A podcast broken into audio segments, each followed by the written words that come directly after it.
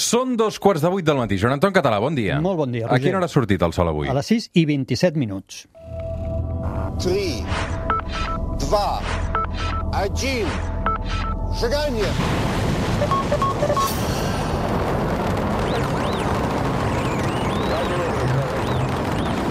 One small step for man,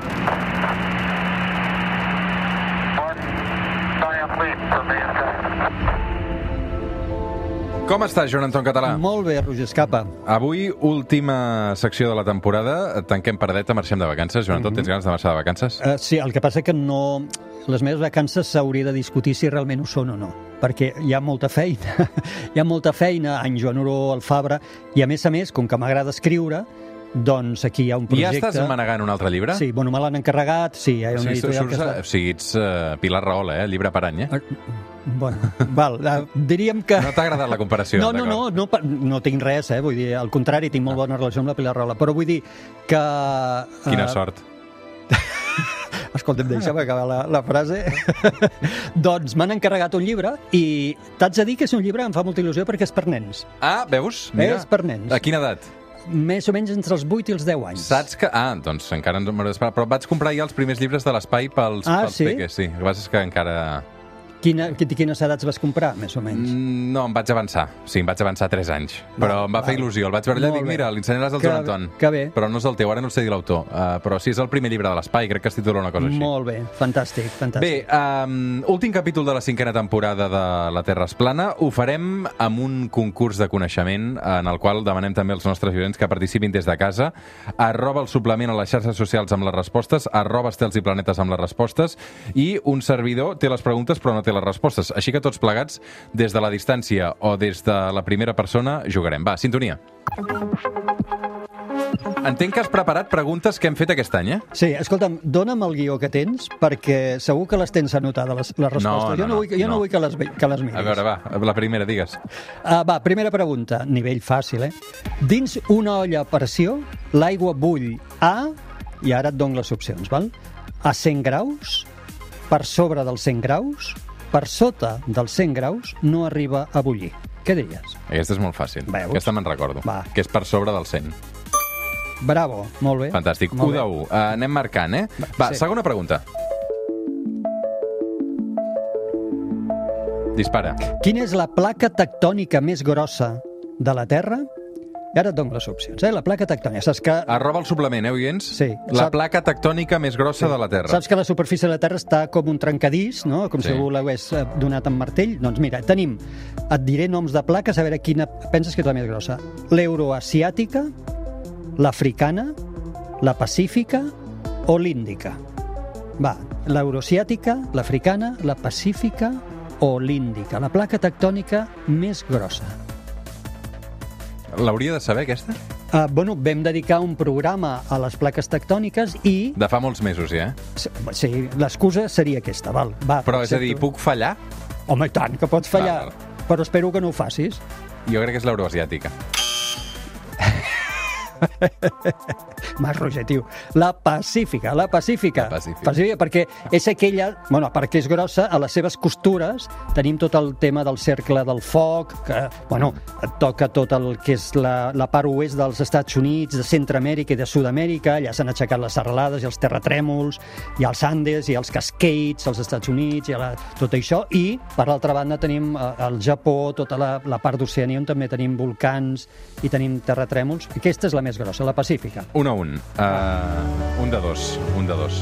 50%. Aprovat just. Va, la 3. Sí, la 3 és, mira, a a alta mar, com es mouen les onades? I ara et dono les opcions. En moviment vertical... Aquesta la van fer fa poc, eh? Sí. La primera opció és en moviment vertical i sense avançar. L'altra és empantant-se unes a les altres. L'altra és de manera allargada cap al davant. I l'altra és de manera independent de la força del vent. Torno a repetir, eh? Com es mouen les onades a alta mar, i això d'alta mar és important. En moviment vertical i sense avançar. Empantant-se unes a les altres, de manera allargada cap al davant i de manera independent de la força del vent. Què A veure, diries? Com que em dius això de que això del mar és important, alta mar... És la, és la cosa. Ui, quin vent que fa a la platja, hi haurà onades. No. No, molt bé. Descartem la, de manera independent de la força del vent. No sé, estic mirant si els oients em- m'ajuden ah. a Twitter. Sí, home, clar. Així no s'hi val. I veig que hi ha un consens general. La A, en moviment vertical i sense avançar. Perfecte, t'has ajudat dels oients i tenim molt bons Gràcies, oients. Pere. Tenim molt bons oients. De moment vertical i sense vessar, recordem... Mira, no sé si has estat mai a alta mar, has estat mai a alta mar dins de l'aigua? No, em mereixo jo, em mereixo. Però dins de l'aigua, jo- També quan em hi mereixo. estàs, també? Sí, ja, ja doncs veig. mira, quan et ve una onada, eh, em, el que fas és pujar i baixar. No et mous del lloc. Ah, No et mous del lloc. I això és la demostració que estàs, ho vam explicar en aquell programa, les onades a alta mar són simplement un moviment vertical i, eh, de l'aigua. De fet, una gota d'aigua torna pràcticament al mateix lloc. És amunt, avall, amunt, avall. i per què va costar tant trobar aquell submarí? Uh, no ho sé, no ho sé. Això ja seria una altra, una, una Anem altra per- cosa. Dos de tres, eh? Sí, S so Som-hi amb la quarta pregunta. ah, aquesta és de física de partícules. Vinga, vinga, Roger. Aquí va. sí que no, aquí palmo, eh? No, home, no, ja veuràs com no. L'electró és una de les partícules fonamentals de la natura. Com es diu la seva parella, que està feta d'antimatèria? Opció A, neutrí. Opció B, positró. Opció C, quark. Opció D, electrí. És a dir, demano pel nom de la parella feta d'antimatèria de l'electró. Neutrí, positró, quark o electrí. És a dir, te la diré bé, però no, no em facis explicar què no, és. no cal, no et demano. Jo diria que és el positró. Oh, fantàstic. Molt bé, ostres, ostres. Tu, Hi ha nivell, escolta, Clar. m'he estat molt atent aquesta temporada. Eh, Molt bé, bueno, ja portem temporades amb Sí. sí. quàntica i partícules i penso que ja podries Tinc tu... un set i mig perquè porto un 3 de 4. Aleshores, anem a la cinquena pregunta. Omnis, Roger, omnis. Quin és el nom que fa servir la NASA per referir-se als omnis? Opció A, UAP. Opció B, UFO. Opció C, USAF. I opció D, Flying Sources, que vol dir pla- platillos volantes, eh? plats volant, voladors. És a dir, la primera és UAP, UAP, la segona és UFO, la segona és USAF i la tercera és Flying Sources. El Flying Saucer segur que no. Molt bé. Aleshores, unes inicials d'aquesta, l- la més... O sigui, a mi em sona l'UFO, però... No? Aquesta seria... Eh, però, sí, seria la més... No és aquesta. Mm, Seria la més fàcil, però jo tan O sigui, fàcil... me l'has posat per despistar. Clar, jo una, una pregunta 5 no l'hagués posat tan fàcil. UAP. Molt bé! bravo, bravo. Ara. Que és... No, Ana- bueno, perquè els oients ho estan dient aquí i jo m'estic... Escolta'm, apaga't el mòbil. Es diu No, no. Um, el tinc a l'ordinador. Unidentified Anomalous Phenomena. Gràcies a la Laia, que ha estat la més UAP. ràpida. Uh, vinga, va, sisena pregunta. Com es diu el coet sobre el qual va muntada la nau Starship de SpaceX, que va esclatar, recordes? que Fàcil. Aquest coet va esclatar. Aquesta me'n Falcon recordo. 0, Mhm. SLS, New Shepard o Super Heavy. Falcon és el del Pedro Sánchez. que, que, que, com, Que, com? dic, el, el Falcon és el- el- l'avió militar del Pedro Sánchez. Bueno, però Falcon és un coet de SpaceX, sí. eh? Ah, sí? Sí.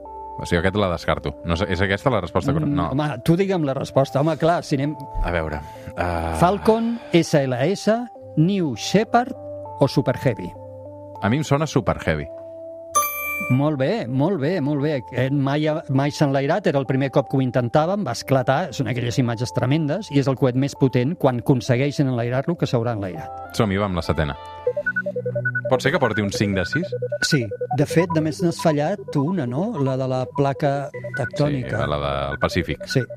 Mira, com es diu la xarxa de satèl·lits europeus que permeten el geoposicionament? Que te l'hem fet fa res, eh? Opció A, Galileo. Opció B, GPS. Opció C, New Horizons. I opció D, Sentinel. És a dir, la xarxa europea dels satèl·lits que t'ajuden a que el mòbil funcioni el geoposicionament. Galileo, GPS, New Horizons o Sentinel. GPS és massa obvi, no? Clar, és que estem a la pregunta, ja no sé quina estem, la 7, la 7. Jo, jo diria GPS. GPS. Ah. Nya. Gep- En comú, vulgarment en diem així, però ho vam explicar. GPS és només la sigla dels satèl·lits americans, del sistema americà. Mm. Aquí et preguntava per l'europeu, és Galileu que és la xarxa, ga- eh, la xarxa Mala que llet, estàs eh? M'has utilitzant fet tu. aquí- Sí, clar, és que estem a la pregunta 7, què vols? D'acord, d'acord. Vinga, va, 6 de... No, 5 de 7, no? Estic amb Eh, Sí, 5 de 7. sí, sí. Anem a la vuitena. Fa ratlla especial. Fa poques setmanes parlàvem del punt Nemo, que és aquell lloc de l'oceà superlluny de tot en què hi trobem molta fa- deixalla espacial. Quina és la ferralla espacial més famosa que hi ha al fons del punt Nemo? Opció A, la nau Starship. Opció B, l'estació espacial Skylab. Opció C, els coets Apollo. L'opció D, l'estació espacial Mir. Eh, recordem, el punt Nemo és aquell lloc tremendo que està a 3.500 quilòmetres de qualsevol punt habitat de la Terra, al mig del Pacífic Sud, i allà hi fem caure determinades naus que són massa grosses com per cremar-les a l'atmosfera, i et demano quina és la més famosa de les que hi ha allà sota. La nau Starship, l'estació espacial Skylab, els coets Apollo o l'estació espacial Mir. No en tinc ni idea, Joan Anton. Va, mira no em facis l'ordinador, preguntes mira que no sé. l'ordinador, a veure què et diuen. Aquí el... L'Alejandro diu l'estació espacial Mir. I tu què dius? Jo, jo dic el que diu l'Alejandro. Fantàstic, gràcies.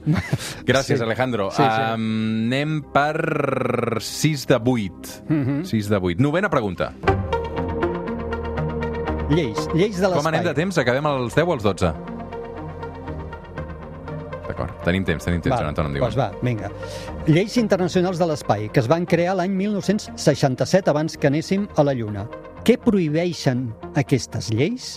Fixa't, eh? què prohibeixen les lleis del 67? Home, si et vaig presentar el llibre, aquesta no la puc fallar, Joan Bueno, Anton. va, va, doncs va, a veure, demostra-ho, això. Opció A, posar, prohibeixen posar armes en els cossos celestes. Opció B, prohibeixen fer extracció de minerals a l'espai. Opció C, prohibeixen militaritzar l'òrbita de la Terra. I opció D, prohibeixen aterrar en un cos celeste amb una bandera privada. Totes serien molt òbvies, no?, de ser correctes, Ujú. però rec recordo que crec que l'única cosa que van prohibir va ser el tema de les armes.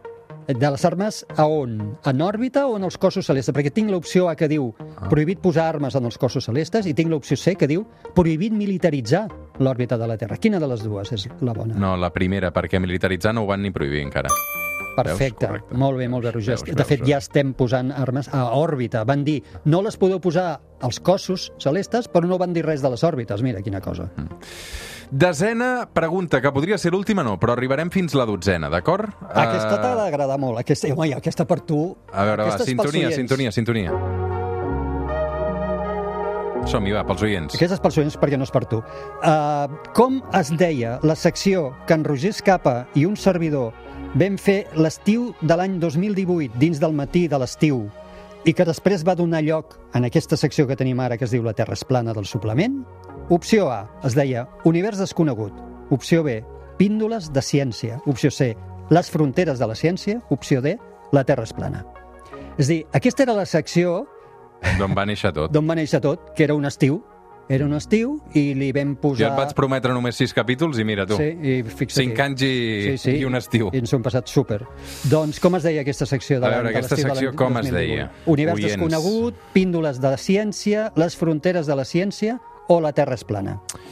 Um, jo als oients els hi diré que mai hagués posat una secció amb un títol que amb píndoles de ciència, no. No. No. Aleshores, um, tenim oients molt fidels, eh? perquè tots l'estan encertant. Ja, ja, a veure, jo t'haig de dir que el vas proposar tu el nom. Sí. Ho recordo perfectament. Estàvem Per esmorzant... cridar una mica l'atenció, sí, perquè estàvem dir, hosti, esmorzant en una cafeteria i quan m'ho vas dir vaig dir, però què diu? Però què diu? sí, home, sí, perquè així els terraplanistes també ens escolten. Ah, ja està. La Terra és plana. Sí. Molt bé, aquest és el nom i és el nom que ha continuat, va, va encaixar tan bé i vam rebre comentaris. A més, tu el volies per provocar una mica la cridar l'atenció i la veritat és que jo també l'he utilitzat moltíssim quan la gent em pregunta com és, doncs l'utilitzem molt per fer la didàctica de la cosa, és a dir, de què mm, preocupant és no? que hi hagi gent que, sigui, que pensi que la Terra és plana i com estem perdent el sentit crític tots plegats, no, tots plegats no, afortunadament és una minoria, però ens ha anat molt bé el títol també per això, per reflexionar sobre la qüestió. Va, un, un parell de bonus track. Bien, bien, repetim. Va. Ah, Crec, crec que t'he fet un 8 de 10, eh? Sí, senyor. Poca broma, eh? No, no, no, un buit, va. Uh, mira, te'n dono un altre. Com es formen els forats negres de tipus estel·lar? No, no, no he entès. O sigui, Joan Anton, m'has parlat 8 vegades del forat negre en aquests 5 anys Ah, i, tio. i encara no... Hòstia, A veure, va. Va, opció, com es formen els forats negres de tipus estel·lar? Opció 1, amb la fusió de dues galàxies. Opció B, durant la mort d'un estel massiu. Opció C, quan un estel de neutrons creix. I D, No ho sabem. Com es formen els forats negres de tipus, es- de tipus estel·lar? Estel·lar. mas- eh, Tu diries que aquesta Roger, és- és- Roger, de tipus sí. estel·lar. Aquesta és fàcil o no és fàcil representar? De tipus que sí, estel·lar. que sí, durant la mort d'un estel massiu. Perfecte, perfecte. Molt Molt bé, bé, molt bé, molt bé. Va, i ultimíssima pregunta. Les paradoxes de la ciència li vam dedicar una, un programa, les famoses paradoxes de la ciència més famoses. Val? I què diu la paradoxa de Peto? Opció A, són, són respostes llargues, eh? Opció A, que els animals més petits tenen moltes més cèl·lules que els grossos, quan hauria de ser el contrari. Opció B, que en determinades condicions una tortuga pot anar més de pressa que una llebre. Però què és això? Opció C, és, eh, és l'últim programa, Roger. Opció C, que tot i que som una espècie molt evolucionada i que vàrem compartir ancestre amb els ximpancers, de vegades aquests semblen més intel·ligents que els humans. Mm. Opció D, que les espècies animals més grosses, amb més cèl·lules, m'estic patat de riure, haurien de mostrar major incidència de tumors, però s'observa el contrari. Va, ho resumeixo molt ràpid, eh? Peto, que els animals més petits tenen moltes més cèl·lules que els grossos quan hauria de ser el contrari, que en determinades condicions una tortuga pot anar més de pressa que una llebre, que, tot i que semblem més evolucionats que els ximpancers, de vegades aquests semblen més intel·ligents que nosaltres, opció D, que les espècies animals més grosses, que tenen més cèl·lules, haurien de tenir més incidència de tumors, però observem el contrari. Em, sa- em sona la història dels tumors. És sí, correcte. senyor, és correcte, correcte. I aquí explicàvem el cas de les balenes, que sent animals que tenen moltes més cèl·lules, haurien de tenir més tumors i, en canvi, s'observa el contrari i no sabem exactament per què, tot i que hi ha hipòtesis. Joan Anton Català, eh, un plaer com sempre. Mirarem Igualment. cap al cel abans de dir adeu-siau. Gràcies a tots els oients també que heu participat de tot plegat amb boníssima nota, ben d'hora, ben d'hora al matí. Eh, gràcies a tots per acompanyar-nos també en aquest espai des de fa tant de temps.